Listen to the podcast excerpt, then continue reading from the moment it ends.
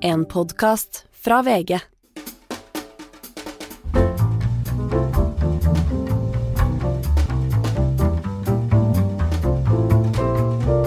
Neste uke er det ett år siden Russland angrep Ukraina. I den anledning har vi en spesialepisode med to tidligere gjester. Ine Eriksen Søreide og Karen Anna Eggen. Leder i Stortingets utenrikskomité, Ine, og en av Norges fremste russlandsforskere, Karen Anna. Politikeren og forskeren hvert fra sitt ståsted. Ine Eriksen Søreide og Karen Anna velkommen begge to. Tusen takk. Tusen takk for det. Er dere mer eller mindre urolige nå enn dere var rett etter Russlands angrep for et år siden? Jeg er nok eh, minst like urolig som jeg var da. For det er jo ingen tegn til at krigen kommer til å slutte. Og jeg syns de diskusjonene som har vært den siste tida, kanskje særlig om hvorvidt eh, vestlig våpenhjelp vil eskalere krigen, har vist på en veldig tydelig måte at det er jo ett land som er ansvarlig for og har invadert et annet. Et brutalt angrep på, på, Ukraina igjen. Det er ett land som er ansvarlig for at krigen fortsetter og at den eskalerer. Og det er ett land som egentlig når som helst kan avslutte krigen, men ikke viser noen tegn til det, og det er Russland. Plasserer man i mindre grad ansvaret hos Putin? Nå er det i ferd med å flyte litt ut? Tror, jeg tror, ikke det er i ferd med å flyte ut nødvendigvis, men jeg merker meg at det er en del av de samme argumentene som gjentas, nettopp litt som Ine var innom òg, at uh, når vi snakker om stridsvognene, så blir ofte spørsmålene eskalerer Vesten? Uh, hva er på en måte Vestens rolle i denne krigen? Uh, så jeg vet ikke om det er mer. Det er jo gledelig f.eks. å se tall uh, Jeg husker ikke helt hvor det var, om det var i VG eller hvor det var, at ni av ti nordmenn f.eks. støtter våpensendinga til Ukraina. Så det er jo helt klart en sånn Folk forstår at her er støtte nødvendig. Men jeg tror nok som òg Ine var innom at det som er mest Eh, bekymringsverdig er den eh, Skjønner vi hvor potensielt langvarig denne krigen eh, kan bli? Og i tillegg skjønner vi at det ikke nødvendigvis blir fred, og at alt blir greit igjen når da krigen eventuelt slutter. Hvis går, den gjør det. Det går ikke bra til slutt, kanskje? Eller ikke helt bra? Det, det, er i hvert fall komplisert, mer komplisert enn at øh, du kan ikke på en måte dele det opp i dikotomien nødvendigvis øh, fred-krig. Eh, det er mye mer imellom, og mest sannsynlig så vil vi i lang tid, og etter krigen her er ferdig, være et sted imellom.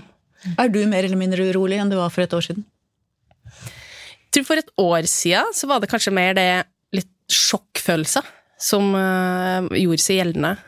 Men jeg er ikke, ikke mindre urolig, det er jeg ikke. fordi dette er en krig som allerede har vara Altså, den ja, vi snakker jo om én krig og ni år. Eh, storskala invasjon eh, starta jo 24.2 for et år siden, og så har den jo pågått egentlig da i realiteten i ni år siden, etter, siden Russland eh, annekterte Krym. Og vi ser på en måte ikke helt en slutt, ikke med den eh, sittende regjering i Kreml, eh, ikke med Putin med roret, men ikke, jeg klarer heller ikke å se en slutt hvis det skulle bli sånn at han eh, forsvinner av en eller annen grunn. Eh, og det handler litt om systemet han er eh, dyrka i, da, for å si det sånn. Hva har overrasket dere mest gjennom dette siste året? Nei, altså, jeg tror nok eh, noe av det som i hvert fall står igjen eh, veldig, er kanskje særlig to ting. Det ene er den voldsomme og økende brutaliteten fra russisk side. Eh, den er jo ikke helt overraskende, det vil jeg ikke si, for dette følger jo en ganske lang og tydelig historie av ting Russland har gjort andre steder, hvor respekten for menneskeliv er lik null, og også selvfølgelig eh, villigheten til å ta risiko med egne soldater er også veldig, veldig høy, og den blir jo bare høyere og høyere. Eh, men det er klart at den utviklinga vi har sett de siste månedene, hvor, hvor, det har vært veldig lite militær framgang på bakken, og russerne da i stedet har brukt krefter og energi på å bombe i stykker sivile mål som eh, vann- og elektrisitetsforsyning. Det er klart Når du sender missiler som er ment for å senke hangarskip rett inn i en boligblokk, eh, så er det en ganske stor og målretta brutalitet mot eh, sivile. Så det er det ene som jeg tror er et bilde som etter hvert begynner å feste seg veldig. Og det er jo der mye av bekymringa mi ligger også, for det er jo ingen tegn som tyder på at heller den brutaliteten eller den handlemåten kommer til å endre seg eh, nå. Tvert imot kan man jo forvente at både en eh, sannsynlig offensiv fra russerne, kanskje før snarere enn seinere, selvfølgelig også vil ta livet av ekstremt mange mennesker og være veldig, veldig brutal. Det andre som nok står igjen, er samtidig den veldig tydelige evnen og viljen vestlige land har vist til å stå sammen og til å støtte Ukraina. Og jeg tror det er verdt å tenke på at eh, det Russland jo har drevet med egentlig hele den perioden fra anneksjonen av Krim i 2014, har jo vært å forsøke å bruke alle mulige tenkelige virkemidler for å så mest mulig splittelse i, mellom vestlige land mest mulig uro i land. Eh, for på den måten f.eks. å undergrave støtten til sanksjonene, eh, få land til å ikke vende seg bort fra Russland osv. Og, og det har de brukt store ressurser på. og De bruker jo stadig mer ressurser på det, for de ser jo at det egentlig er den eneste veien til å komme seg f.eks. ut av, av sanksjonene. Og, og det har eh, ikke ikke ehm, Det har ikke gjort noe inntrykk i Vesten så langt. Det betyr ikke, og det tror jeg er viktig å understreke, at vi er immune mot det. Verken vi eller noen andre er det. Det er et sofistikert apparat som brukes for å drive med påvirkningsoperasjoner, enten ved å påvirke valg eller beslutninger, ved å skape frykt og uro. Altså, dette er et, et veldig sofistikert apparat, og ikke minst en arbeidsmåte som russerne jo er godt kjent for. Eh, så til tross for alt dette, og til tross for at det også kommer til å fortsette, så har det allikevel vært, eh, vært, positivt å se at det har vært en, en tydelig vilje på vestlig side til å, til å støtte ukrainerne, også med eh, våpen. Mm. Og hva overraska deg mest?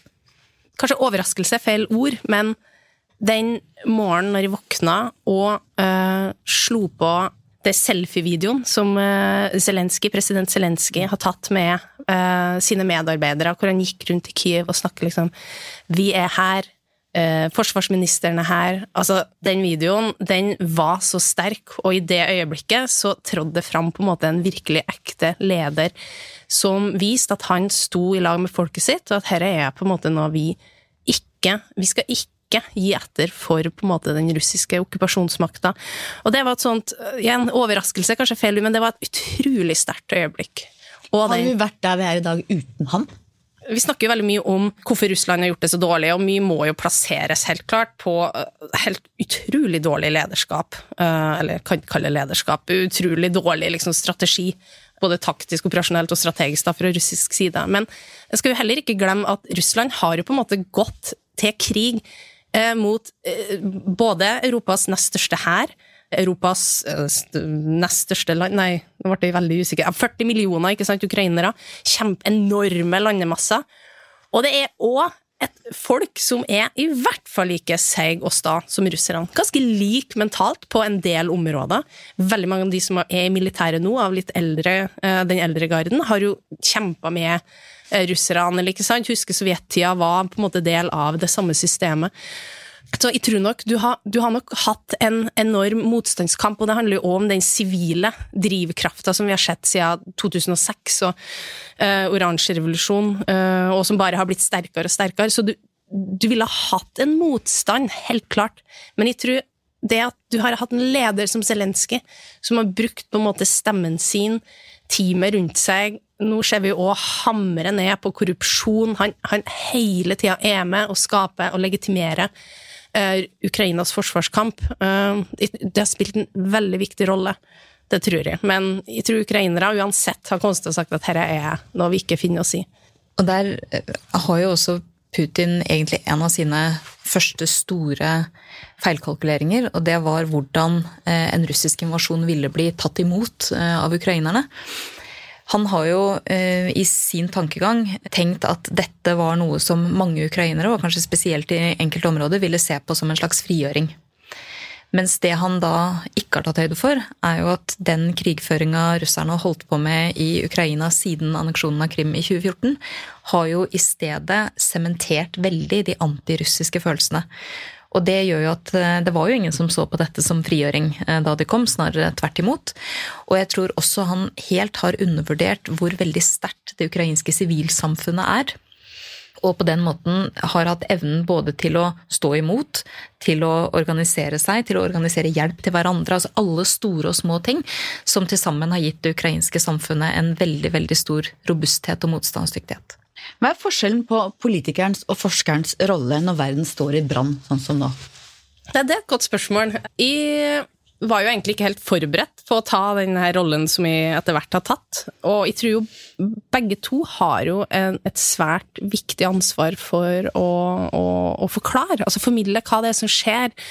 Kanskje litt mindre grad, for en forsker skal jo ikke sant, en skal jo helst være litt sånn, om ikke nøktern, men du skal komme litt mer med, med analysene og ikke nødvendigvis ha altfor stor øh, breiside. Uh, Um, mens kanskje fra, hvis en skal tenke politikere, som jo er våre øverste tillitsvalgte, som skal lede oss, uh, så handler det jo kanskje i større grad om å forklare hvorfor. Hvorfor gjør vi som vi gjør? Hvorfor sender vi våpen til Ukraina? Hvorfor engasjerer vi oss så mye som vi gjør? Og så er det veldig vanskelig å Jeg prøver jo å være tydelig på at jeg, støtter jo uh, Ukrainas forsvarskamp, og det er vanskelig å forholde seg helt nøktern, men jeg tror for min del så har det hvert fall føltes veldig viktig og riktig å kunne være noen som forklarer hva det er som foregår. Hva er det Russland tenker? Eh, hvorfor opererer Russland som de gjør? Og ikke minst, hvordan skal vi forstå Russland? Altså aktørforståelse av Russland. Fordi vi har nok i Norge hatt en veldig mye mer tendens til å tenke på Russland som naboen vår, ikke Russland som den brutale makta de jo tross alt har vært mot andre nabostater. Mm. Jeg tror Karl Anna har helt rett i i den uh, vurderinga. Og politikere skal i tillegg også både fatte beslutninger og være ansvarlig for de, de, beslutningene. Men for å kunne gjøre det, så trengs det jo også gode analyser. Og vi er jo veldig heldige i Norge på mange måter, for vi har et ekstremt godt og sterkt fagmiljø som kan Russland veldig godt. Eh, vi var jo et av få land som ikke avvikla de miljøene etter slutten av den kalde krigen. Eh, og det har jo bl.a. å gjøre med at vi faktisk har en geografi og et naboskap Eh, som gjør at vi er nødt til å kjenne aktørbildet, vi er nødt til å kjenne og forstå eh, i så stor grad som mulig hvordan russiske aktører tenker. Eh, og det å forstå Russland er jo noe helt annet enn å akseptere Russlands handlinger. Eh, og det er det jo viktig å, eh, viktig å understreke også. Jeg har jo merka sjøl, eh, og det tror jeg Karl Anna har også, et enormt informasjonsbehov. Det er veldig mange som gjerne vil Eh, snakke om temaet, som vil kunne stille spørsmål, som vil få analyser. Og det handler jo om at vi står i en situasjon som også er ganske ny for oss. altså denne, denne liksom, Det voldsomme omfanget, brutaliteten. altså Vår generasjon som sitter her inne i studio, har jo vært forskåna fra den type eh, situasjoner. Og, og, det er veldig naturlig at mange er bekymra, mange er redde. Og mange er veldig opptatt av å få en større forståelse for hva som skjer. Og jeg må, jeg må, jo si som sant er at når jeg holder eh, foredrag eller sitter i paneler og samtaler om dette, så pleier jeg ofte å si at jeg liksom jeg håper ikke dere har bedt meg komme for å gi et optimistisk syn på verden eller, eller være underholdninga her i kveld, fordi Den tida er over. Mm. Ja, altså det er, det er, jo litt mørkt, ikke sant. Mm. Men, men jeg, jeg, mener jo samtidig at det er et riktig bilde å formidle, fordi hvis vi ikke i denne situasjonen, av alle situasjoner, mm. klarer å forholde oss til verden som den er, og ikke som vi gjerne skulle ønske at den så ut, så er det ingen situasjoner vi klarer det i. Eh, så nå er tidspunktet for å ta en ganske grundig realitetsorientering om hva dette betyr for oss nå, hva det kommer til å bety for oss de neste åra. For mm. som Karl Anna sa innledningsvis også, én eh, ting er jo at krigen sannsynligvis dessverre kommer til å vare lenge. Men om den på et helt mirakuløst vis skulle slutte i morgen, så er jo ikke krigen over eller, eller brikkene tilbake på sine faste plasser. Mm. Altså, alt er snudd på hodet. Mm. Jeg har egentlig bare litt lyst til å kaste ballen tilbake til Hanne òg. Hva er på en måte journalistens rolle? Vi har jo alle våre, ja, våre roller i det her, så det kunne vært interessant å bare høre hva du òg Kanskje en kombo av dere to, da, for at jeg er jo da, som politisk aktør så er jeg på en måte lov til å skrive meningene mine og være meningsbærende. Så jeg tenker vår jobb er både å prøve å analysere og videreformidle både det forskerne sier og det politikerne sier, og også som meningsbærende avis ta veldig tydelig stilling for Ukraina, mot Russland.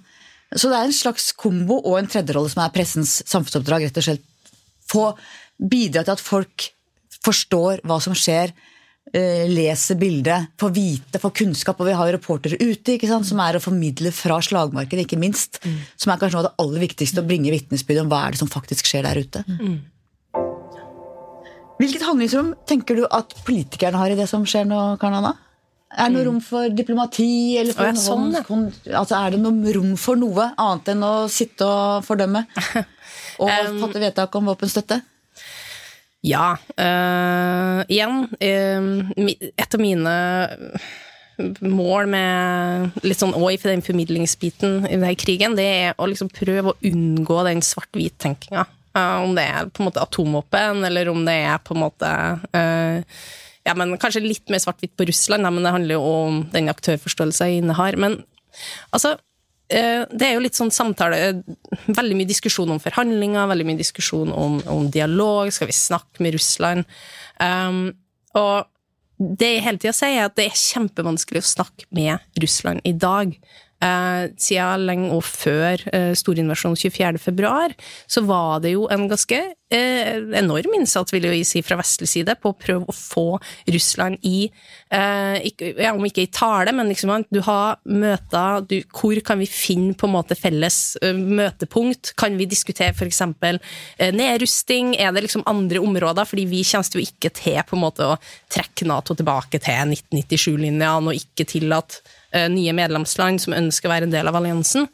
Um, så det var jo en ganske storstilt um, forsøk på å få liksom, den dialogen med Russland. De stilte opp, men det var ingen kompromissvilje. Uh, Overhodet. Uh, I stedet la de fram nettopp da denne pakken i desember 2021, uh, hvor de stilte rett og slett et ultimatum om at nå må Europa endres i russisk bilde, altså sik sikkerhetsarkitekturen skal se ut så, på en måte som er fordelaktig for Russland. Uh, med alle de argumentene de har for det, om at de var urettferdig behandla osv. Og så bruker de da, når de vet at det er noe som ikke kan imøtekommes, til å nettopp da si nei, men vi har ikke noe valg. Vi måtte, vi er under, vi er under en trussel fra Vesten. Uh, vi må gå inn i Ukraina. Og så har det jo òg sånne imperialistiske, historiske uh, argumenter for det òg. Men så klart, jeg vil jo bare anta at det er en del kommunikasjon på bakrommet. Ting vi ikke vet. Og det, det kan være bra.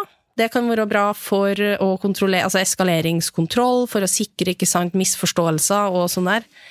Men den samtalen, altså forhandlingene med Russland, de jeg, forstår bare ikke helt hvordan det skal finne sted, fordi du har to parter som er så uendelig langt fra hverandre. Ukraina forståelig nok. De har ikke lyst til å gi fra seg territorium. Russland lever på en annen planet, med tanke på hva de tror de har krav og rett på. Så hvem som skal inn der, og på en måte få til noe slags kompromiss, det er veldig vanskelig å si. Ja, hva tenker du? For du har jo møtt noen av disse russiske folka den gangen de i hvert fall opplevde som mer siviliserte og kloke enn de er nå? Ja, Det er ingen tvil om at Karlan har rett i det hun sier om at det, det engasjementet som var fra Vestens side, egentlig i hele perioden etter slutten av den kalde krigen, men kanskje spesielt etter sånn rundt 2010, var jo var ganske massivt. Um, Nato omtalte jo Russland som en strategisk partner i, i det strategiske konseptet, og det var eh, forsøk på både møtevirksomhet, opprettelse av Nato-Russland-rådet. Men realiteten når man ser tilbake på det, er jo at det var jo ingen reell russisk interesse for å finne løsninger som kunne endre situasjonen. Det var kanskje spesielt drevet av at Russland hadde en veldig vanskelig økonomisk situasjon, og at det dreiv samarbeidet med vestlige land framover i et håp om at det skulle si, bedre den russiske økonomien. Men grunnleggende sett så var det jo liten reell interesse. Og vi har nok, tror jeg, i veldig mange år i Vesten bedriver i altfor stor grad av ønsketenkning om at bare vi engasjerer Russland nok, så blir de som oss. De kommer ikke til å bli som oss. Det er et annet land. Og samtidig så er det jo ingen tvil om at de aller fleste kriger ender i en forhandlingssituasjon på et eller annet tidspunkt. Men jeg tror det er et par ting som er viktig å huske i den situasjonen vi er nå. Det ene er det falske premisset jeg syns av og til settes opp om at Russland og Ukraina på en eller annen måte er to likeverdige parter i en krig. Det er, det, det er en falsk balanse. Mm. Absolutt en falsk balanse, for det er de ikke. Det er Russland som har invadert Ukraina, uprovosert. Det er de som fortsetter brutaliteten, det er de som ikke avslutter krigen. Og hvis du tenker at det skal være utgangspunktet for en forhandling, så er det jo da egentlig to ting som må skje. Det ene er at Ukraina må legge ned våpnene og slutte å forsvare seg. Det vil ganske sikkert ikke føre til at Russland slutter å angripe.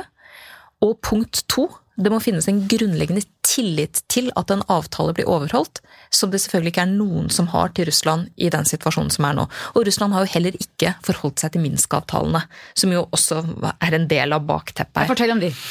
Nei, altså Dette var jo eh, avtaler som eh, kom i stand etter anneksjonen av Krim. Um, og det, her var det jo det var jo særlig Frankrike som var, eh, var eh, hva skal De store vi si? diplomatene. De, de store diplomatene her, ja. Eh, Jeg bare leita etter ordet. um, og Det er klart at det, finnes jo to Minsk-avtaler, eh, men ingen av dem har jo blitt oppfylt. Der har jo Russland skyldt på Ukraina og på Vesten, men, men realiteten er jo at det har jo ikke vært noen vilje fra russisk side til å, eh, til å imøtekomme det som, eh, det som ligger i avtalene. Og nettopp derfor så er det å måtte gå til forhandlingsbordet på et eller annet tidspunkt, det må være, og det må være veldig tydelig også, på Ukrainas premisser. Det er de som har blitt invadert. eh, Det er de som eh, har en angriper som nabo. eh, Og det er de som også må gjøre vurderinger av hva de eventuelt på et eller annet tidspunkt ønsker å forhandle om, eller hvordan de mener at de kan ivareta sin sikkerhet. For dette er jo et helt grunnleggende spørsmål for et land som nå har en nabo som rent faktisk ønsker å utslette dem. Jeg tenker bare sånn lite tillegg på det, det Minsk-avtalene. Det, det er det jo bare verdt å nevne at Russland forsøkte jo aktivt å gå inn i forhandlinger som en nøytral part, og heller si nei, nei, Ukraina må, uh, må inn i forhandlinger med de, eh, russiskstyrte separatistbevegelsene, uh, som de kalte da de frigjørings... eh, ja, i, i, i, i Øst-Ukraina, i Donbass-regionen. Mennene med de grønne draktene. Ja, ja, men Ja, eller eh, Ja, de var jo på en måte russiske soldater, da, men du har jo òg folk som, eh, som marionettestyre, rett og slett, som ble satt inn, og som var med på en måte og spredde russisk propaganda og russifisert av de regionene som Russland eh, okkuperte, eller eh, invadert etter 2014. Og, eh, og det er bare litt sånn interessant, fordi de har jo jobba veldig med nettopp å skape det inntrykket av at Russland er den her nøytrale parten, som, ikke, som på en måte ikke har noe, men som jo så klart må jo hjelpe de her russisktalende i, i Donbass, som eh, er under fryktelig ukrainsk press og folkemord, som vi så var en del av retorikken nå før det gikk inn 24. februar. Ikke bare retorikken, det var jo eh, hele påskyndelser for at det gikk inn. Og så er det jo litt sånn interessant med de, den forhandlinga og forhandlingsspor. Eh, hvis du ser liksom på de mer moderne russiske konfliktene, så, eh, som Russland har starta, så har jo ganske mange av dem har jo enten endt, enten endt da på en måte i kapitulasjon. Eh, Vi så jo hvordan de opererte f.eks. i Tsjetsjenia. Da var det jo på en måte hm, Det er jo i Russland, kan du jo si. Men, men du har jo òg i Georgia, og etter 2014 da, du, du har jo ikke noe endelig slutt på de konfliktene. Altså I Georgia det er jo fremdeles et stort problem at Russland og flytter frem de grensepostene på, i de um, Abkhasia og Sør-Ossetia, uh, altså de utbryterregionene da, som de støtter. Og etter Ukraina, vi snakker jo om frossen konflikt, det er jo ikke helt rettferdig, fordi det har jo vært eh, absolutt mange folk som dør, og de var jo i Ukraina i, eh, og besøkte et sånt minnesmerke i november 2021.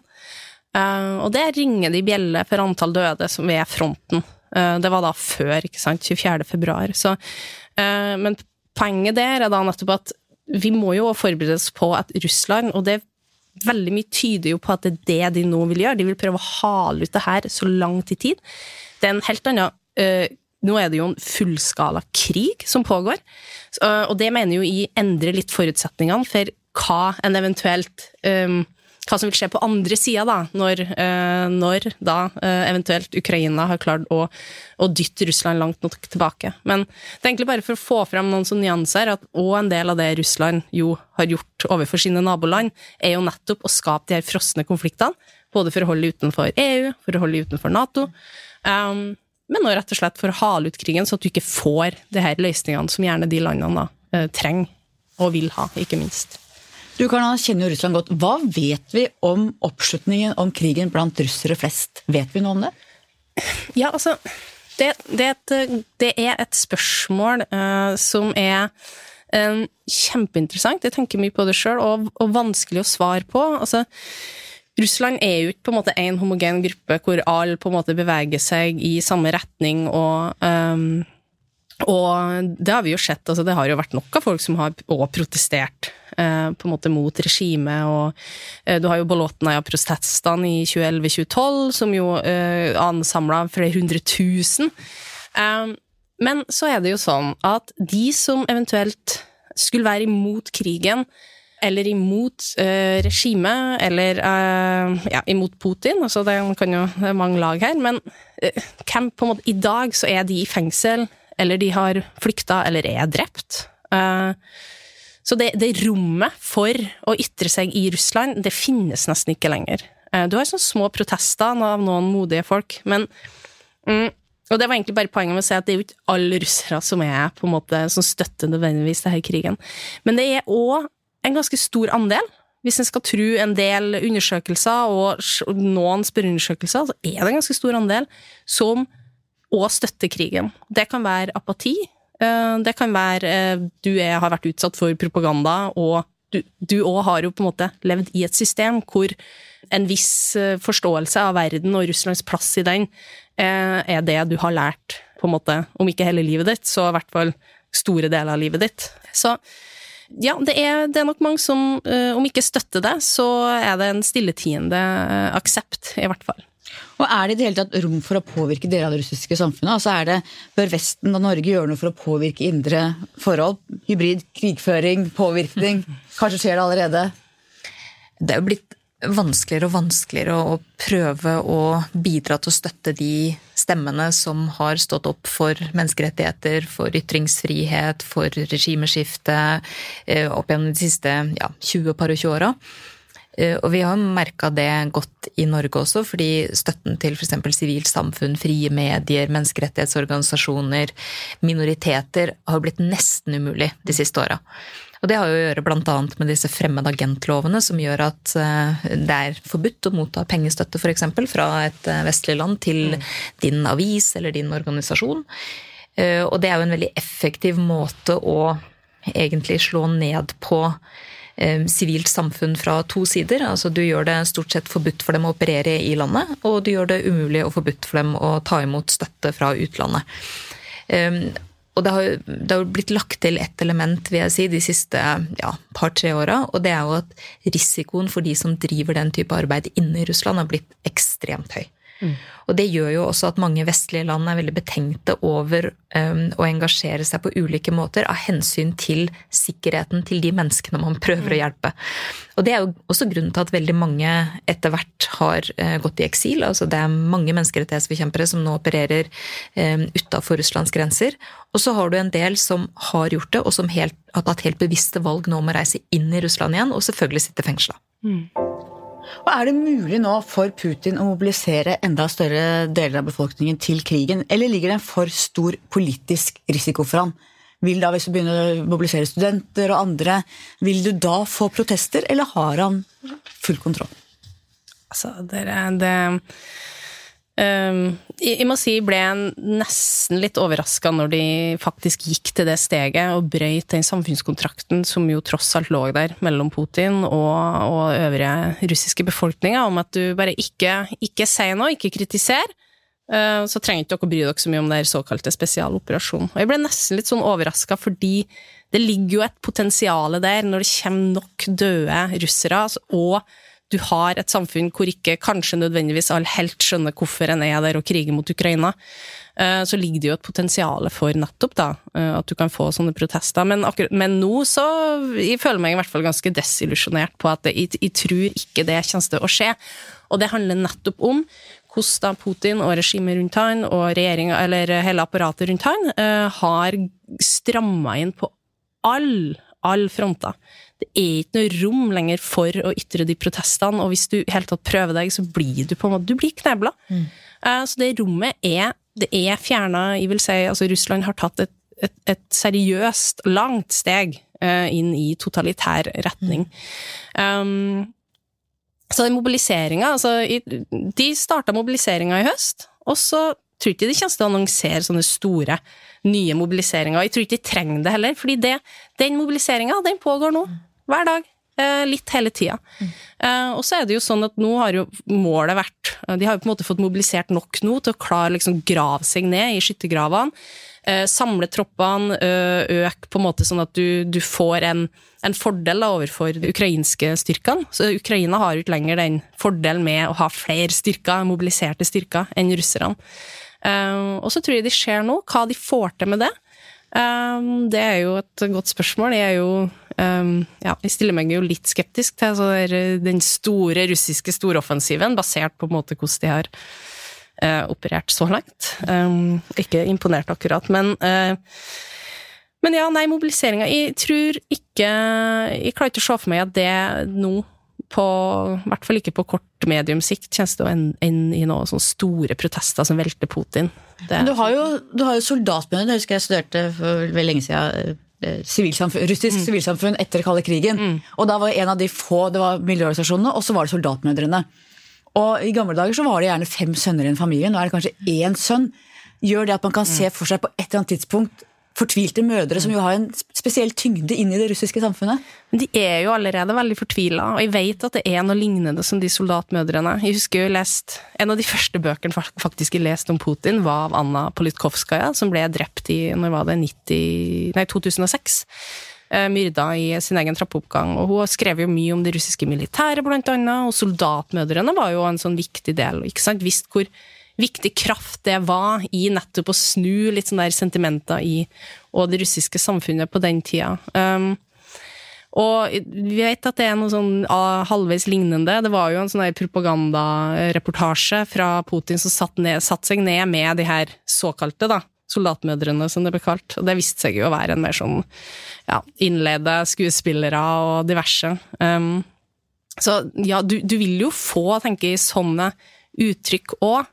Det er jo ikke så politisert, på en måte. En sørgende mor, eller ja, ja kanskje det er veldig politisert. Det, mm, jeg klarer ikke å se for meg igjen da, at det vil skulle ha en sånn stor nasjonal mobiliseringseffekt blant eh, protest, altså folk som protesterer mot krigen. Men jeg håper jo jeg tar feil.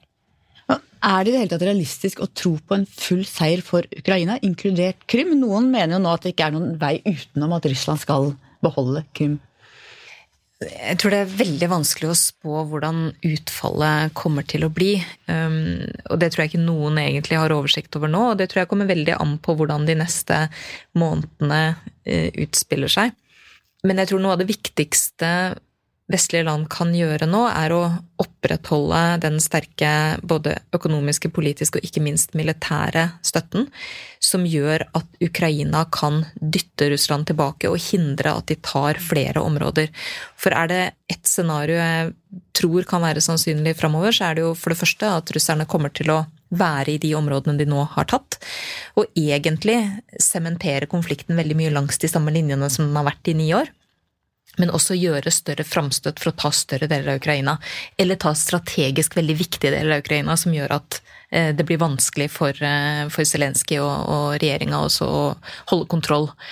Eh, Og da, da er man jo på en måte i en, i en ekstremt vanskelig situasjon for, for Ukraina, så å forhindre det er et er et selvstendig poeng og veldig viktig, en veldig viktig del av den støtten som, som gis nå. Og mm, fra vår side så har vi vært veldig opptatt av at når vi nå gir våpenstøtte til Ukraina, så må vi forstå og være villig til å gjøre det over lang tid. Det holder ikke å gi enkeltstående våpenleveranser og så, og så tenke at nå har vi gjort vårt. Fordi hvis Ukraina skal ha noen som helst sjanse til å nyttiggjøre seg av den våpenhjelpa til å faktisk hindre at russerne tar større del av Ukraina, så må vi også være villige til å stå der over tid. Vi må være villige til å fylle på med reservedeler, nye våpen, logistikkstøtte, opplæring, drivstoff. Altså alt som skal til for å holde eh, denne forsvarskampen til Ukraina i gang. Og Putin, hvordan vil han takle et mulig tap? Jeg har snakka litt, diskutert faktisk litt det siste. eh, Prøvd liksom å kanskje sette i gang litt sånn diskusjoner om det med både eskaleringsspørsmål, men òg det med hvor- er Putins rødstreker. streker?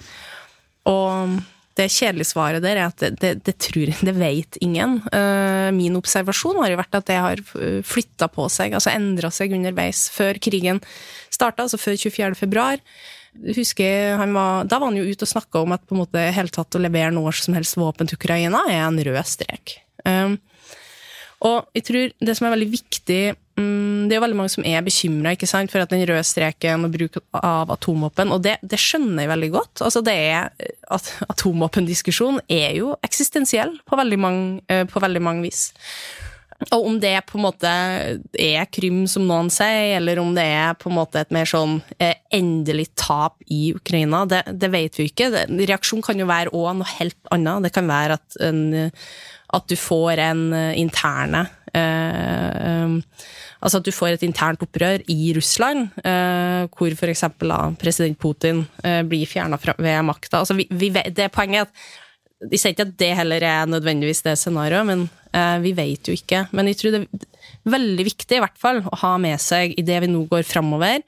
Eh, Vesten kommer til å gi eh, mest sannsynlig òg tyngre våpenleveranser eh, enn stridsvogner òg, kanskje, til, til Ukraina. Eh, det kommer til å vedvare over tid. Eh, og Russland kommer til å gjøre det noe bedre for slagmarka. men Putin kommer i idet da både Ukraina og Russland eh, annonserer de her eh, offensivene sine til våren, så kommer vi til å igjen og igjen stå overfor eh, trusselen om atomvåpenbruk. Og da er det litt sånn, vi, vi, må, vi, må, på en måte ha for oss at det her er noe de bruker aktivt retorisk, nettopp for å skremme oss, nettopp for å forsenke våpenforsendelser.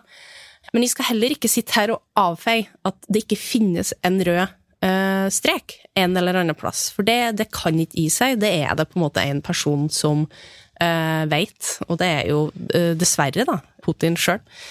Jeg tror nok han har skaffa seg ganske store utfordringer mm. ved at han har jo nå egentlig lagt alt i potten, inkludert seg sjøl, på et vis. Det er ikke mange veier tilbake. Og det handler jo om intensjonene bak krigen som jo ikke er eh, Natos mulige utvidelse østover, men det er jo rett og slett imperialisme, den manglende aksepten av Sovjetunionens oppløsning, denne veldig revisjonistiske tankegangen om at de skal bestemme over tidligere sovjetrepublikker og sitt såkalt nære utland. Eh, og det er eh, strategiske målsettinger som egentlig ikke lar seg forhandle om. Og hvis man ser på både brutaliteten eh, i krigen, hvordan eh, Putin og Russland snakker om Ukraina, så er det også helt åpenbart at de mener jo oppriktig at Ukraina som land og nasjon ikke har rett til å eksistere. Og da er du ganske langt ute i, i, yttergrensene. Ehm, da er det ikke noe som i utgangspunktet tilsier at dette, hvis vi bare gir og tar litt vær, som jo noen ser ut til å mene at må være løsningen, eh, så, ehm, så er vi liksom i mål. Det, det er vi ikke. Og som jeg var litt inne på i stad, det er heller ingenting som tyder på at noen av Russlands naboer eller det internasjonale samfunnet for øvrig kan ha noen som helst tillit til at Russland ville overholde en eventuell avtale. Og det betyr jo igjen at eh, det å, å, se for seg at man skal sette seg ned og forhandle om noe som også kunne være eh, Altså noe som gjør at Putin på et eller annet eh, nivå eh, følte at Russland hadde oppnådd noe som helst, eh, det er nesten helt utenkelig. Så den litt dystre beskjeden er jo egentlig at dette er en nedadgående spiral. Mm. Hvor det å, å, komme seg ut av det gjennom en, en forhandla løsning er usedvanlig vanskelig å se for seg sånn som situasjonen er i dag. Mm. Ja, nei, og jeg, jeg er helt enig med med inne der, og, og, og, særlig det poenget ikke sant, med at nå har Putin virkelig lagt all, eh, all eggene sine i samme kurv. Det er, eh, det er ingen retrettmulighet. Og det ønsker heller ikke Putin at det skal være. Og det handler jo igjen om de eh, ja, litt urealistiske, om man kan si det pent, da. Eh, tankene om at de skal kunne klare å sikre seg kontroll i Ukraina. At de skal vinne denne krigen. Eh, men det vil jo få enorme konsekvenser på en måte for eh, Putin og Russland. Uansett, altså om, de, om de, går på et stort nederlag, ikke velger å bruke da atomvåpen eh, i Ukraina, eh, så jo, har jo det enorme konsekvenser. Om de velger å bruke eh, atomvåpen i Ukraina, så er vel, sånn som jeg har forstått det, beskjeden veldig tydelig på at da finnes ikke noe mer russisk militær aktivitet i Ukraina. Ingen snakker om angrep på Russland. Eh, noen, det er nå snakk nå om at det begynner å true med at ok, men vi altså, Russland, russisk territorium er jo ikke helt av blokka, altså blant Ukraine, ukrainske uh, forsvarseksperter. Um, men så er det jo òg det elementet med om Russland taper. Eh, om de må gi fra seg alt eller litt, eller hvordan konstellasjonen her får. Så må vi jo òg ha i mente hvordan selges det her overfor egen befolkning. Når du har et land hvor du, om ikke det er liksom fullstendig totalkontroll over informasjon, så kontrollerer du i hvert fall det meste av informasjonsflyten. Eh, kan det selges inn på et eller annet vis som et slags eh, en seier, eller at ja, men vi kjemper jo ikke mot Ukraina, lillebroren vår, vi kjemper jo mot hele Natos industrielle, eh, industrielle kompleks. Og så vil det òg, tenker jeg, hvordan Kinas rolle blir framover, eller, eller, andre aktører da, som støtter Uh, Russland, um, men kanskje særlig Kina. Uh, den rollen de spiller framover, uh, både på eksport uh, inn til Russland, men òg på en måte en mer politisk støtte. Det vil òg få veldig store konsekvenser, og vil nok òg ha innvirkning på hvordan et eventuelt tap, eller seier, eller hva man skal kalle det, da, kan selges inn. Men òg for Russlands videre krigføring, ikke minst. Da. Definitivt, og bare for å legge til ett poeng til det Karen Anna sier, så er jo Kina i en eh, egentlig veldig merkelig posisjon, hvor de såkalt ikke har tatt stilling eh, til krigen. Eh, noe de jo selvfølgelig har ved å la være å, stemme mot Russland. Så tar de jo egentlig stilling for. Det er jo det som er den, den faktiske realiteten. Og det kommer jo rapporter nå om at de også, selv om de ikke har donert våpen som sådan, så at de skal ha donert både komponenter og andre ting som bidrar til å holde den russiske krigsmaskinen i gang. Men det som på den andre sida eh, gjør, gjør, Kinas rolle spesiell og på sett og vis interessant, er jo at på ett eneste område har de vært veldig tydelige, og det er å si at bruk av eh, kjernevåpen, altså atomvåpen, mm. ikke er akseptabelt. Og da har de i prinsippet lagt noen begrensninger for Putin som gjør at han må vite at hvis han tråkker over den grensa, så er det ikke bare en ekstrem konflikt og store konsekvenser fra vestlig side. Det vil også få konsekvenser eh, overfor Kina, og Russland er helt avhengig av Kina og kommer til, kommer til å være det i økende grad framover. Så, så, det er selvfølgelig et, et eh, ganske stort eh, dilemma for Putin. Men er det også sånn at atomvåpen egentlig er et bedre kort på hånda for Putin så lenge han ikke bruker det? At idet han har brukt det, så er det på en måte brukt opp? At da mister han mye leverage, som vi sier på nynorsk? Sier på nynorsk, ja. Det er, liksom, det er vanskelig å snakke om atomvåpen, fordi jeg har jo det er nesten umulig, for eh, jeg er jo en generasjon som på en måte ikke har helt Jeg har jo bare forholdt meg til New Start og, og ikke sant, de hyggelige tidene. Men eh, jeg, jeg tenker i hvert fall at måten det brukes retorisk, har en enorm verdi for det russiske regimet. Og den trusselen om bruk er nesten ofte eh, skumlere enn den faktiske bruken. Satt veldig på spissen, da, ikke sant? For det er jo som sagt veldig eh, Det er jo krise om en by, en liten by i Ukraina blir bomba med atomvåpen. Altså det, det, det, skal jeg ikke si noe annet. Men jeg tror det er et såpass viktig virkemiddel. Eh, og du kan jo òg si at egentlig har vært ganske effektivt. Den sendrektigheten i våpenstøtte og våpenleveranser til Ukraina, det handler jo ikke om egentlig bare at Vesten har satt seg på bakbena, det handler jo om eskaleringskontroll, og at du, du er nødt òg til å sjekke liksom hvor, hvordan manøvrerer vi oss i det her ganske sånn ja, seriøse landskapet med en aktør som Russland, som har vist seg villig til å ta stor risiko, eh, og som den vet òg sitter på atomvåpen, og nå har gått all in. Um, så det, det, retorisk er det nok et veldig viktig uh, virkemiddel for Putin. Så jo, det virker jo som det er tatt noen uh, vurderinger på at uh, Stridsvogner, for eksempel, det er ikke noe som vil gjøre at Putin avfyrer et missil. Og det kan en jo kanskje tenke om andre lignende våpenleveranser og framover. Så er det vel kanskje heller et spørsmål om eventuelt ja, Eh, når en begynner å snakke om eh, at Russland blir drevet ut av nok territorium og sånn, men, men, det er en diskusjon på en måte en får ta da. Eh, men retorisk absolutt effektivt, tenker jeg. Og viktig. Russland er et land som tåler tap og lidelse bedre enn Vesten. Første verdenskrig, andre verdenskrig. Har de et slags overtak i sin vilje til å ofre? Jeg tror ikke nødvendigvis det. Um, men du har helt rett i at de helt åpenbart har stor vilje til å ta betydelig risiko. Og det gjelder både med eh, hva de foretar seg på bakken, for å si det enkelt.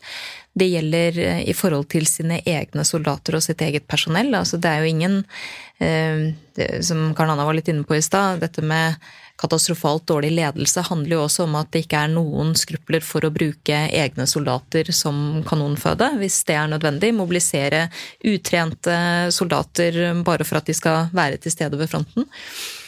Eh, og de er jo villige til å ta en betydelig risiko eh, for sitt omdømme, som det jo knapt kan sies å være noe særlig igjen av i store deler av verden. Ehm, så de er jo eh, de, de, har jo vist før også at de kan gjerne stå i kriger i lang tid. De kan være brutale, og de kan ta, eh, ta store tap. Ehm, men de ser jo ofte veldig svart-hvitt på en situasjon som gjør at eh, det finnes ikke noe det finnes liksom ikke noe særlig mellomting. Det er, det er seier som, som gjelder. Og så opplever de jo ikke det i, i veldig, veldig mange sammenhenger. Ehm, så tror jeg at det som det som preger litt eh, bildet nå eh, med, med, Russland, er jo at nær sagt uansett hvordan denne krigen kommer til en avslutning på et eller annet tidspunkt, som jeg da dessverre tror ligger noe fram i tid, så kommer resten av oss til å stå overfor et mer uforutsigbart og farligere Russland. Og det har å gjøre med de faktorene vi har vært inne på til nå. Og det har å gjøre med at vi eh, jo er i en situasjon hvor også Russland forsøker å skaffe seg hva skal vi si, nye venner. Eh, når man ser de turneene som f.eks. Sergej Lavrov er på nå til afrikanske land, for å få de til å både eh, selvfølgelig støtte Russland aktivt, men i hvert fall ikke stemme mot når det kommer opp voteringer i FNs generalforsamling eller Menneskerettighetsrådet eller andre steder. Da snakker vi utenriksministeren, ikke sant? Ja, da snakker vi utenriksministeren. Og, og det er klart, det er også en måte å bidra til en slags todeling eller dypere splittelse og polarisering i verden generelt, eh, som gjør at Russland antageligvis da tenker at når man på e, et tidspunkt kommer seg ut av dette, så eh, har vi ikke lenger noe samarbeid med Vesten, for det tror jeg ikke noen vestlige land eh, på noen måte ser for seg. Men da har vi i stedet forsterka bånda til en del andre land, som jo ikke direkte har tatt stilling, eller som på ulike måter har interesser som gjør at de ikke går aktivt ut mot Russland. Og det er jo en, eh, det er også en side og en konsekvens av denne krigen som jeg tror vi kan se litt lenger ned i mm. gata. Mm. Hvis vi mener at det er avgjørende for Europas sikkerhet, for vår sikkerhet, at Ukraina vinner, må vi ikke da tillate Ukraina å bruke alle midler og hjelpe dem med alt de trenger, også fly? Ja, Det er jo en diskusjon som uh, sannsynligvis også kommer mer og mer. Um, men jeg syns det er litt viktig også at vi nå diskuterer det vi kan gjøre nå først. Jeg er litt redd for at dagen etter eh, man har tatt en beslutning om å sende stridsvogner, så kommer diskusjonen om fly opp. Nå må vi først faktisk få de stridsvognene ned til Ukraina. Med alt det som kreves av vedlikehold, reservedeler, utstyr og opplæring. For det er komplisert. Det er kjempekomplisert. Um, og det er jo heller ikke sånn at når man tar en beslutning i dag, så er utstyret på plass i morgen, selv om man gjerne skulle ønske det uh, i denne situasjonen. Så jeg tror det er utrolig viktig, som jeg var litt inne på i stad, at i stedet for å um, og hele tida hoppe inn i neste diskusjon, så må vi faktisk gjøre det vi har lovt ordentlig. Sånn at det blir en reell hjelp for ukrainerne. Og så er jeg helt sikker på at diskusjonen om andre våpentyper kommer til å løpe og gå. Um, men nå har det vært uh, stridsvogner som har vært diskutert, og som jeg mener har kanskje vært, fått litt lite oppmerksomhet i det siste. Det ukrainerne nesten trenger mest av alt fortsatt, er luftvern. Ja. Eh, det er noe av det aller aller viktigste vi kan fortsette å forsyne med. Og, og derfor jeg er litt opptatt av å liksom prøve å konsentrere oss litt, fordi det er veldig fort gjort at vi nå nå tenker jeg at Vi har sagt ja til stridsvogn. Eh, flere land har sagt at de sender stridsvogn. Nå diskuterer vi fly. Og så glemmer vi å fortsette å forsyne med luftvern. Eh, og Derfor er det viktig å ta de tingene litt i, i, i, riktig rekkefølge. Men jeg har jo sagt mange ganger før, og det gjentar jeg veldig gjerne, det er ingen prinsipiell forskjell på såkalte offensive og defensive våpen. Altså det er ingen prinsipiell forskjell på en stridsvogn og et jagerfly. Det er mer et spørsmål om hva som hjelper, og hvordan og når. Mm. Det, er ikke, det er ikke, sånn at det liksom stiller seg i en, en, annen kategori. Hvis vi ser på, snakker om Ukraina og hæren og de får utstyr og soldater, mens russerne sliter jo både når det gjelder utstyr og soldater. Mm. Mange russiske offiserer er drept, og forsvaret har vært gjennomsyret av korrupsjon. Er egentlig det russiske forsvaret en kjempe på leirføtter?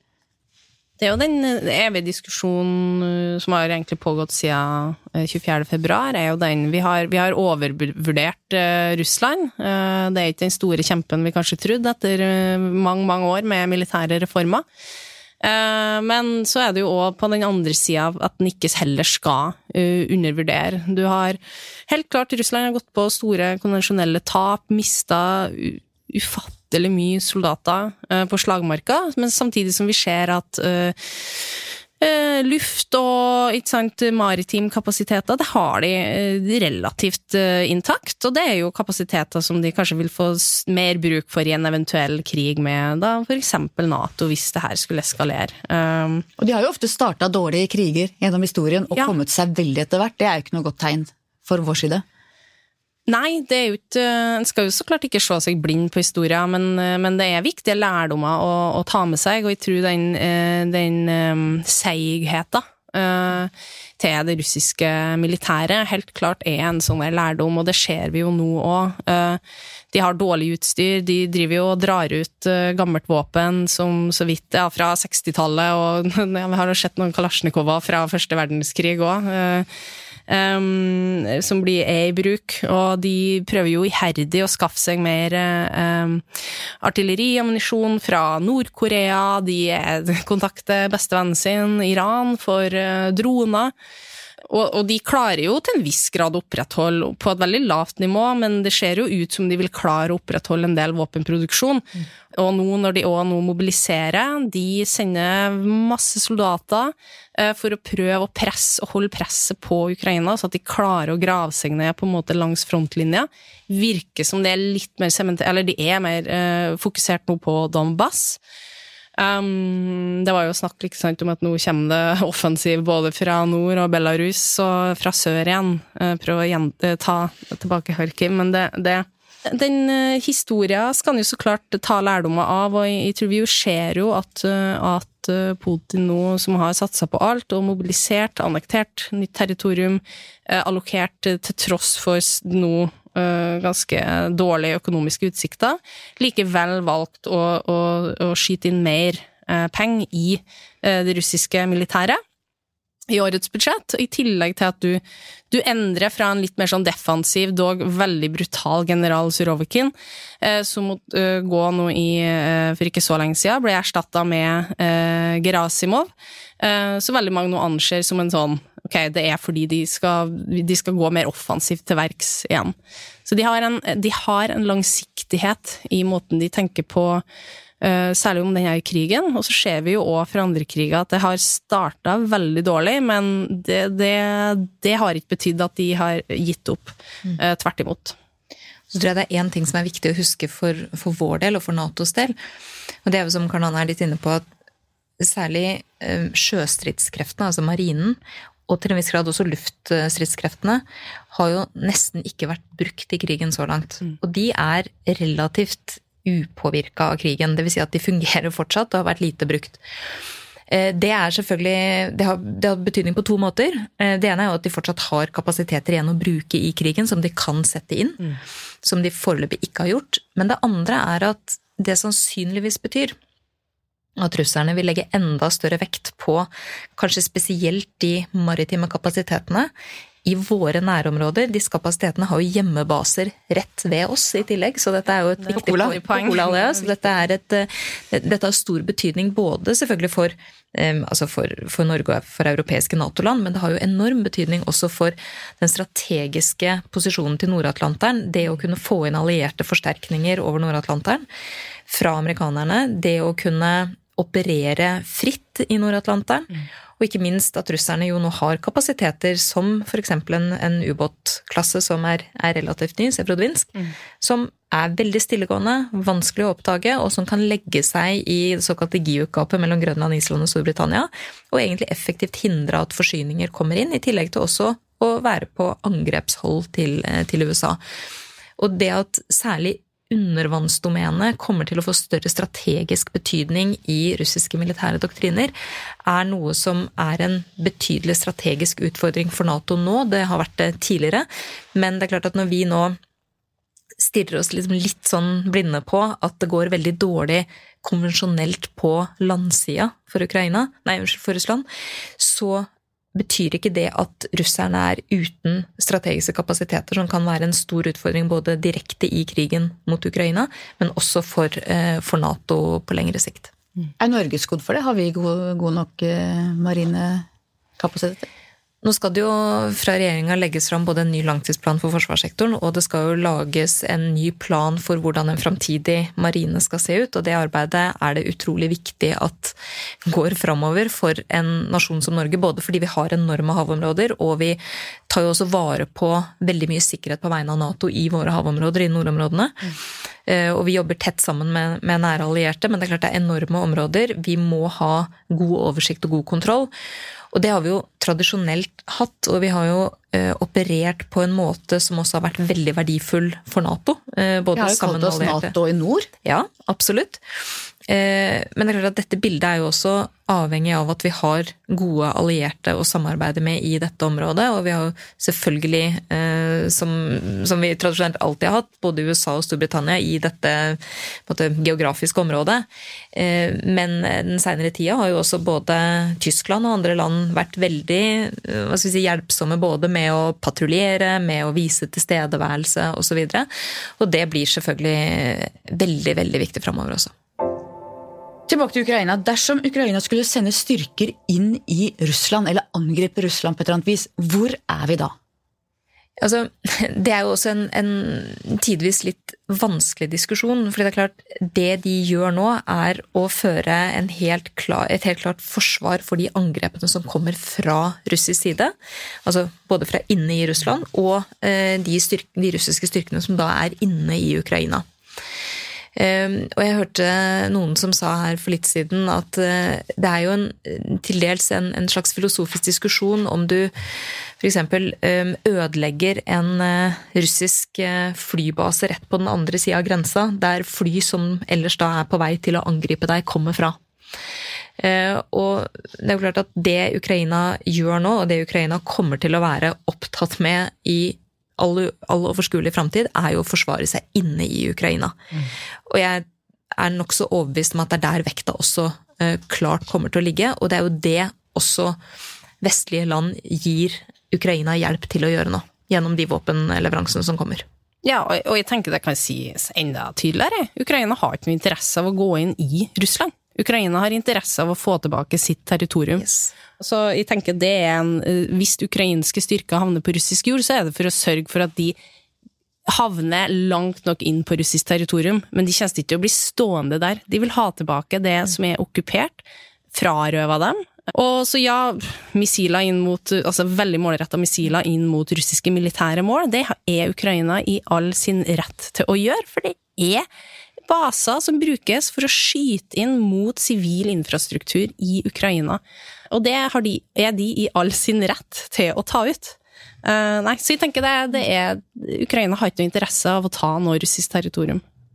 Ukraina er tross alt et enormt land. De, har, de, de kommer til å ha nok med å bygge opp det som er helt ødelagt for generasjoner framover pga. Russlands krig. Mm. Hvordan ser dere for dere Norges forhold til Russland etter dette? For vi er jo fortsatt nabo med Russland, vi ligger, har grense mot dem. Hvordan skal vi forholde oss? Ja, geografien vår slipper vi jo på ingen måte unna. Um, heller ikke nå. Uh, men det er jo, jeg er jo av og til frista til, til, å gjenta det jeg sa i 2014 etter anneksjonen av Krim, nemlig at forholdet til Russland er varig endra. Man, man, kan ikke gå tilbake som om ingenting har skjedd, eller tenke at vi skal ha det samme type engasjementet. Og det er jo rett og slett fordi det ligger ikke på noen måte til rette for det, og det er ikke en interesse for det. Det vi jo på et nivå må samarbeide om, og som vi jo fortsatt gjør, er jo f.eks. grensekontroll, kystvakt, søk og redning, og ting som har stor betydning for sikkerheten til nordmenn i nord. Eh, og vi har jo en felles fiskeriforvaltning som, eh, som også da er viktig for begge land. Eh, men det som jo har vært hva skal vi si, omkvedet i åra etter slutten av den kalde krigen, har jo vært å søke tettere politisk samarbeid på veldig mange områder. Altså at man kan gjøre ting sammen, inkludere Russland i det internasjonale samfunnet på en annen måte. Eh, bruke de som en eh, aktiv aktør i ulike sammenhenger, og det ser jeg jo at det ikke jeg, jeg, ser ikke for meg at det er noen som vil ha appetitt på å gjøre det i det hele tatt. Det vil jo selvfølgelig også føre til at Russland helt naturlig vil da søke andre allianser og partnere, jeg var litt inne på det i stad også.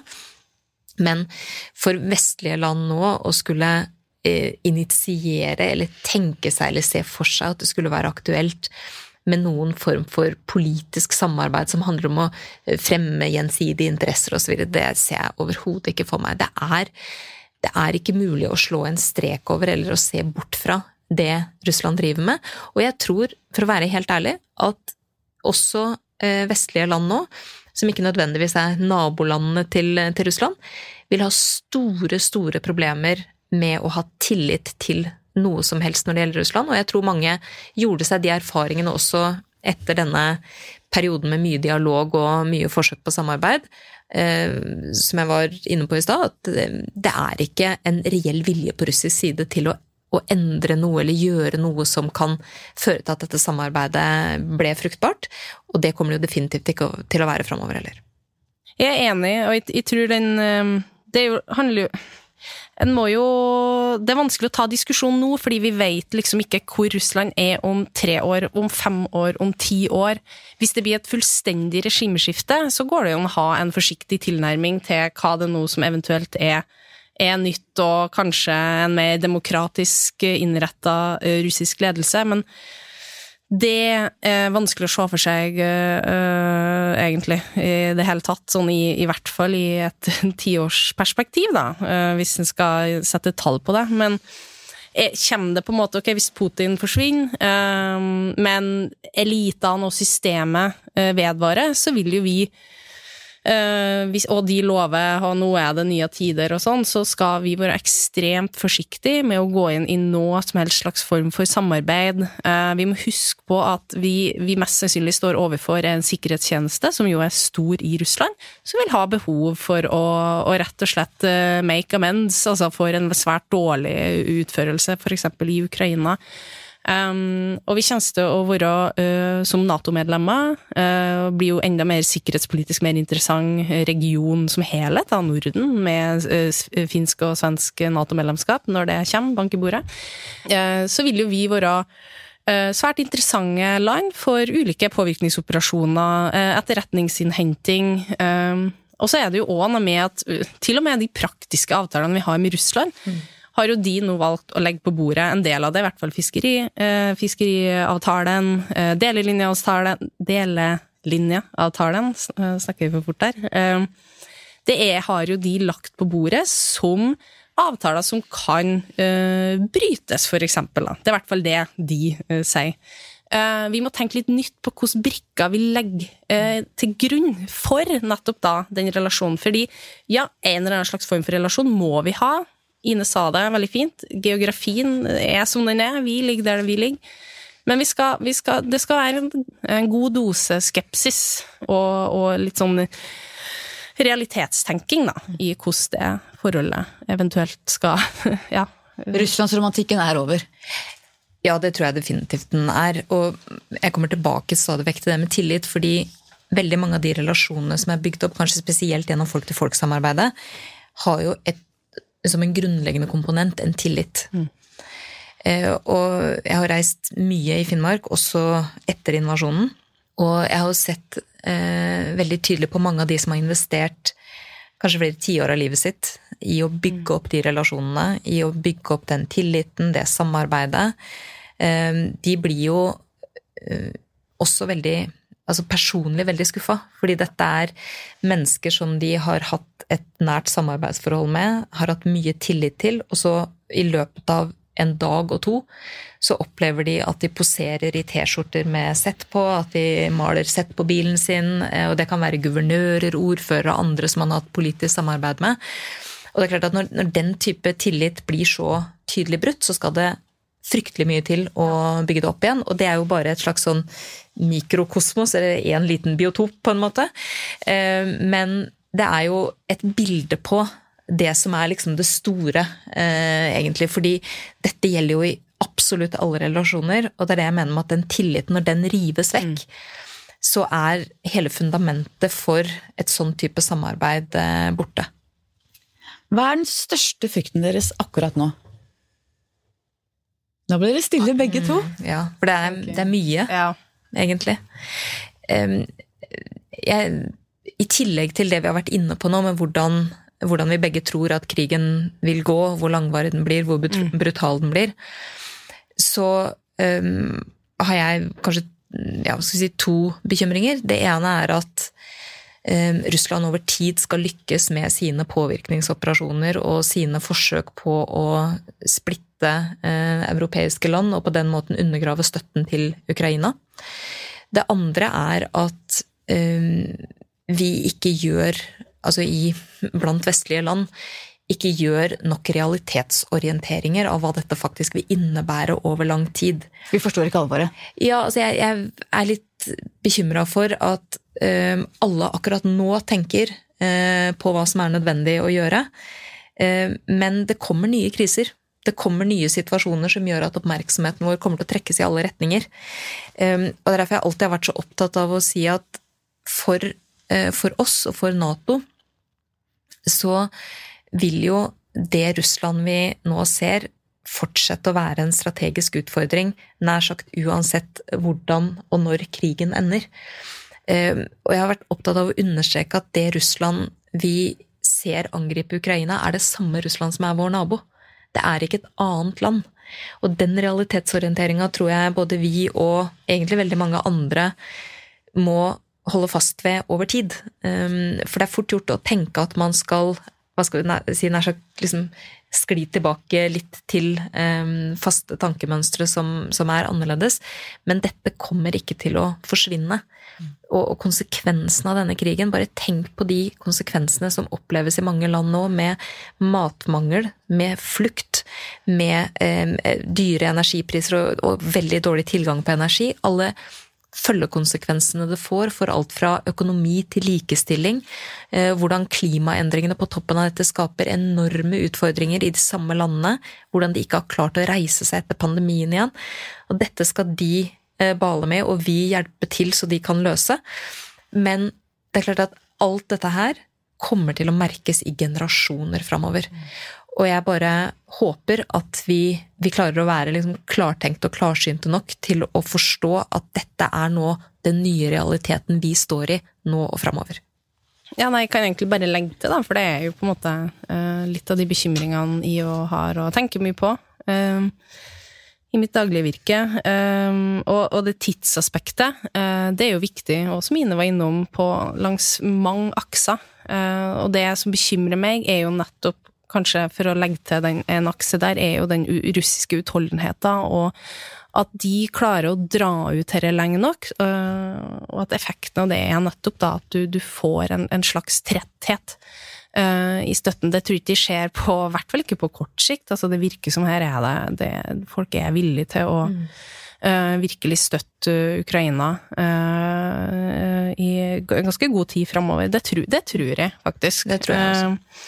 Eh, eh, men så er det jo òg, da um, Eh, en ting er jo den eh, at det kan slå eventuelt sprekker på en eller annen Nå var vi jo på en måte heldige, altså, apropos klimaendringer. Det, dessverre så eh, kan du jo si Eller klimaendringer er jo kjempealvorlig, men du kan jo si at på en måte bra for Ukraina denne vinteren, fordi det har jo blitt en mye mildere vinter enn det som var um, var antatt, eller frykta, og det har jo gjort at nettopp det her at Russland har slått, prøvd å slått ut uh, strøm, vannforsyning, særlig strøm og varme, uh, at det ikke, ikke har fått så store konsekvenser som det kunne ha fått, selv om det jo er fryktelig for veldig mange sivile uh, ukrainere rundt omkring nå.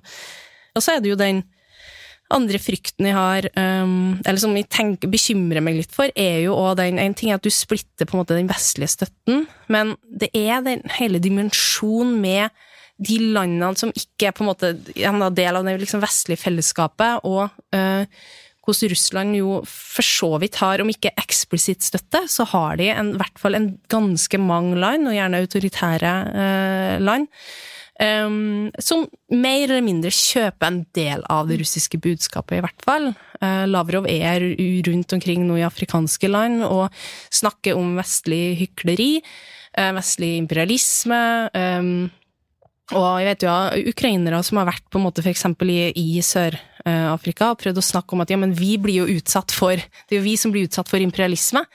Og da er jo liksom svaret bare nei, det, nei, det tror ikke jeg går. Liksom, dere, dere er jo hvite europeere. Det, det her henger ikke på greip. Altså, den De har brukt over lang tid ganske mye tid og krefter på å, å presentere og dytte en del narrativ. Det har vært særlig på i uh, mange afrikanske land, i uh, Sør-Amerika uh, og Kina og Russland har jo òg på mange Om det er liksom koordinert, så er det i hvert fall veldig mye av den retorikken om Vesten, og særlig USA, eh, som spres og har blitt spredd aktivt. Um, og vi skal på en måte ikke heller undervurdere den dimensjonen, og den vil jo òg få litt større konsekvenser. Da. Det kan jo være større enn egentlig krigen i Ukraina. Men det, det, du begynner å se veldig tydelig en del skillelinjer, og det er ikke alle som støtter uh, Ukraina eller nødvendigvis bryr seg så mye om den krigen på samme måte som vi gjør her i Vesten. Mm.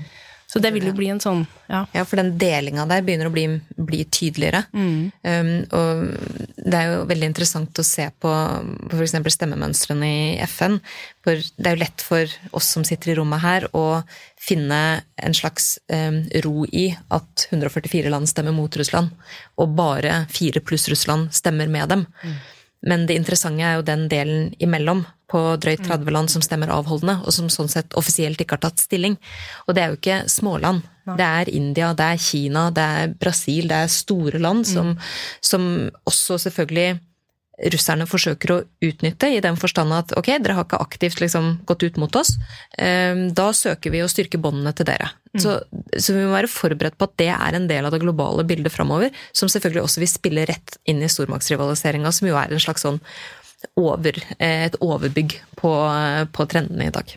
På USA har jo karakterisert Kina som dimensjonerende trusselen. altså Det, de dimensjonerer alt sitt i forhold til, mens Kina er en mer sånn akkurat nå trussel. Mm. Men nå har vi snakka mye om mørke. Hva ser dere som håp?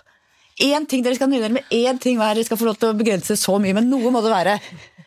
Ukra ukrainere, kanskje. Ja. Det er sånn, I hvert fall i, for meg så er det den å se um, Møter jo på en del ukrainere som er innom Norge. Jeg kan jo dessverre ikke dra til, til Ukraina akkurat nå, men, men de møter på, altså de snakker på en så de er utrolig inspirerende. Det er folk som på en måte er så tydelig på en måte i sin kamp, og så tydelig på en måte i sin kamp, motivasjon deres, som forståelig nok da, er for på en måte den motstandskampen uh, de nå fører. Uh, og det gir håp. Det er, vil si, de er gode forbilder for Europa. Jeg er helt enig, og så tror jeg den realismen som begynner å synke inn mange steder, tror jeg er utrolig viktig både for Ukrainas kamp eh, for vår sikkerhet, for eh, vår frihet. Og, jeg tror at det etter hvert begynner å, å komme, komme, veldig tydelig inn hos de aller fleste. Også at andre politikkområder har betydning for sikkerheten vår, som f.eks. at energipolitikk er sikkerhetspolitikk. Og en del ting som vi kanskje ikke har vært like opptatt av i Norge før, eller vært like opptatt av å definere som sikkerhetspolitikk. Og at den totale forståelsen av driverne av bildet eh, er, er, tydeligere nå. Og det syns jeg er veldig bra og veldig positivt. Jeg syns faktisk også det er mye gode diskusjoner både i Stortinget og, og i offentligheten mm. rundt de tingene. Mye gode refleksjoner.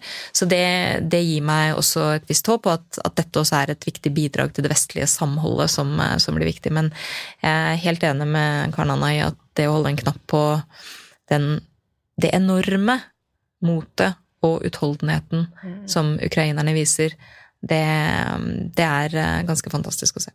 Mm. Dere har jo begge vært der før og svart både på spørsmålet mitt om hva som blir historien om tiden vi lever i, og om dere tror på Gud, så det skal jeg la det ligge. Men så tenkte jeg på, før vi tre skulle møtes Vi representerer jo på en måte tre ulike tiår. Jeg hadde mine formative ungdomsår gjennom 80-tallets kalde krig. Ine, du hadde dine formative ungdomsår gjennom altså, det optimistiske og glade 90-tallet etter murens fall, da vi alle trodde at demokratiene skulle vinne fram. Nå var det frihandel og fremgang. Mens du, Karen Anna, hadde din ungdom gjennom 2000-tallet med terrorangrep i Europa, krig i Midtøsten, fremveksten av IS, frykt for terror også på norsk jord. Hva tror dere at våre ulike erfaringer i disse avgjørende årene har betydd for hver en av oss, og hvordan vi ser verden? Altså, jeg, jeg, tror Hvis jeg kan begynne litt altså det, er jo, um, det er jo helt riktig som du sier, nå ble jo generasjonskløfta i studio her veldig tydelig. Men det er greit. Det er en erkjennelse må komme til. Um, men jeg, jeg sier jo av og til når jeg snakker om de tingene her, at særlig min generasjon har jo opplevd mer eller mindre tre tiår med ganske ubrutt framgang. En relativt lineær utvikling hvor alt gikk i den retning som du sier, Hanne. Altså mer frihandel og framgang, mer demokratier, mer samhandel. Alt var i grunn eh, veldig lineært. Og jeg tror veldig mange i min generasjon i veldig liten grad så for seg at det var noe som skulle bryte det mønsteret i noen sånn særlig grad. Ja, litt eh, opp og ned her og der, men sånn grunnleggende sett så er vi på riktig vei. Eh, og det mener jeg er en av de realitetsorienteringene vi ser nå, at det er så definitivt eh, brutt. Det er veldig annerledes nå. Eh, det å skulle oppleve krig i Europa igjen i den skalaen vi ser nå, tror jeg veldig få hadde sett for seg at skulle skje. Og jeg tror nok at det å ha med seg det perspektivet inn i der vi er nå, og, og klare å forsøke å bruke historien til å se også hvor skjørt mange ting er. Ehm, der vi var skråsikre på at dette bare gikk én vei, så ser vi jo nå at det gjorde det absolutt ikke. Mm. Um, og jeg tenker jo at det også var kanskje en, en viktig eh, hva skal vi si, en viktig vei inn i den generasjonen som Karl Anna tilhører, og som som jo, som du sier, har hatt helt andre frykter enn den generasjonen kanskje både du og jeg eh, hadde da vi, da vi vokste opp, og da våre liksom, politiske syn og vårt engasjement ble forma. Eh, jeg husker jo Jeg var ikke så gammel, men jeg husker jo veldig godt den TV-sendinga. Altså når de bare avbrøt alt eh, og snakka om nå er, liksom, nå er det fly, to fly som har flydd inn i World Trade Center, så, um, og den perioden etter etterpå, det var på en måte krigen mot terror, var den store eh, det var, det var jo det det ble snakka om, og det var det folk eh, studerte og fokuserte på. og uh, dere, ja, mer sånn konvensjonell krig mellom to land. altså Jeg husker jo det var nesten sånn Nei, nei, det, det borgerkriger, det kan vi ha, men sånn den mer konvensjonelle krigen mellom to land, det begynner vi å bevege oss litt sånn uh, vekk fra. Alt det her var ganske sånn langt unna det tror jeg er liksom viktig. Altså, det er jo ikke så ulikt, uh, kanskje det er sånn egentlig litt uh, Litt det du uh, snakka om, Oda Ine. Jeg tror veldig mange i min generasjon, hvis ikke du er på en måte en som har kommet til Norge fordi du har flykta fra krig, da, at den, hele tanken på krig og litt sånn derre det, det, det, det har nok vært ganske fjernt for veldig mange, også i min generasjon. Så har det terror, da, som du helt korrekt var innom, Hanne, at det, det har jo vært både ja, her i Norge, som vi har sett, men òg uh, den kampen mot det ut. Men og så har du jo det klima, klimaspørsmålet. Uh, det har, tror jeg har vært like så nesten mer eksistensielt for mange. og den, at den at en skjønner at dette er skikkelig alvorlig, men vi får på en måte gjort så lite med det. Den litt sånn håpløsheten der og tror jeg har vært med å forme mange, øh, mange og, og, kanskje enda mer de som er 10 år, 10-20 år yngre enn meg igjen. Kan si 20 år snart? Det, det er jo altså, vi må utfordre Men, Hanne også på TV-øyeblikk. TV ja. eh, altså sånn formative TV-øyeblikk. fordi eh, Du fortalte om da flyene gikk inn i World Trade Center. Ja. Da sto jeg nede i resepsjonen på TV 2, husker jeg. Det var dagen etter stortingsvalget. Eh, Dere hadde vunnet. Ja, Arbeiderpartiet hadde tatt. Jens Stoltenberg hadde tatt. Det er helt riktig. Eh, og da var det altså en så vi sto nede, og da hang det en sånn, sånn god gammeldags TV i resepsjonen. Og så ser vi det ene tårnet i fullt fyr, og ingen hadde jo helt skjønt hva som hadde skjedd. Ikke sant? Var dette uhell, ulykke, hva var mm. det? Og mens vi står der, så går det andre fly inn. Ikke sant? Og da skjønner vi jo at det er noe som er helt annerledes. Mm. Eh, så det var jo et veldig sånn formativt øyeblikk for meg òg, men det som var, var, før det igjen, var jo at jeg satt hjemme og så på TV på Berlinmurens fall. Ja. Og det var jo også en veldig som, Da var det ung tenåring. Ikke sant? Jeg var 13 år. ikke sant? Det var starten på den der veldige perioden da, ikke sant? hvor alt var mm. optimisme og framgang, og alt mm. var, var veldig bra. Og bare liksom legge til ett perspektiv som jeg tror som, som vi merker nå, og det er at nå har vi jo dessverre vel nesten ingen tidsvitner igjen fra krigen. Og de har vært så ekstremt viktig i å fortelle egentlig alle, mm. eh, oss tre. Ja. Hva vi må passe oss for, eh, hvordan krig starter, hva som er farlig, og, og hva vi må gjøre for å, og trygge vår egen frihet og vår egen sikkerhet og vårt eget demokrati. Um, og jeg tenker liksom litt nå framover hva um, de nye tidsvitnene ja. som kommer til å fortelle om denne tida til uh, Om Trump, om brexit, ja. om uh, Om- om krigen om, krigen i Ukraina. Ja. Jeg har tenkt mye på det at de, eller min far er 86, men han var barn under krigen. Det var helt rett. De som var voksne og de som på en måte handlet og tok ansvar den gangen, de er nesten alle sammen borte. Ja, det er det. Men jeg tenker på min, mine ungdomsår òg. Jeg vokste opp med atomtrusselen. Ja. Og det var en veldig reell trussel, så på en måte er vi litt sånn tilbake. Og jeg vokste opp i en veldig todelt verden. Da var det Sovjet og USA, det var helt delt. Og så har man liksom merga litt gjennom disse tiårene, og nå er det Kina og USA. Nå er de igjen på vei mot en helt todelt verden. Så på en måte er jeg på vei tilbake til det jeg kjenner fra mine formative år. Og det er ikke så hyggelig. Nei. Nei, det er jo ikke det. Og, og med et lite ekstraelement, fordi det er ikke mye godt å si om den kalde krigen. Men den hadde jo tross alt et slags, en slags stabilitet over seg. Det var, det var ikke så veldig sannsynlig at det skulle skje noe veldig plutselig. I dag er jo uforutsigbarheten betydelig større. Og det er mye vanskeligere å kartlegge aktørbildet og hva som kommer til å avgjøre om den ene eller andre parten gjør noe som kan bidra til å eskalere en situasjon. Så dette er en krevende tid hvor vi alle må ta ansvar på vårt vis. Tusen takk for at dere kom.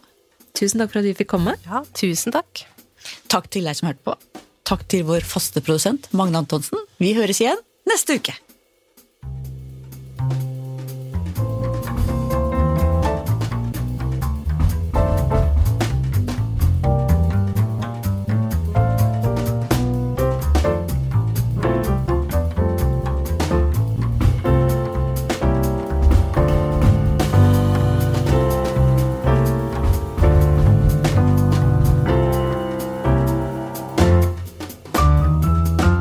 Du har hørt en podkast fra VG.